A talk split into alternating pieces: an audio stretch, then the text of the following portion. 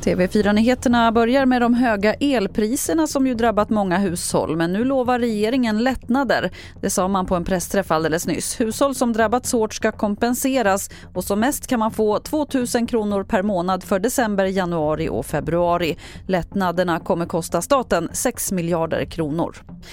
SMHI varnar för mycket besvärligt väder när det norska ovädret Gyda drar in med kraftigt snöfall och hårda vindar i Jämtland, Härjedalsfjällen och Lapplandsfjällen. I Åre har alla grundskolor stängt resten av veckan och i Krokoms kommun hålls skolorna stängda idag och imorgon. Och Trafikverket varnar också för att läget kan bli besvärligt. Vi har tagit ut extra folk så vi har folk som, som kan eh, betjäna det här idag. Vi har tagit ut extra fordon och vi har placerat ut eh, halkbekämpningsfordon på strategiska platser runt om i, den här, i det här området, alltså i, i västra Jämtland. Det sa Petter Jonsson som är presskommunikatör på Trafikverket. Och idag börjar då nya coronarestriktioner att gälla eftersom smittspridningen är hög och går snabbt. Bland annat ska alla vuxna begränsa sina kontakter.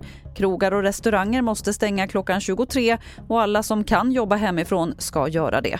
I nuläget ska de nya restriktionerna gälla i åtminstone fyra veckor. Fler nyheter finns på tv4.se. Jag heter Lotta Wall.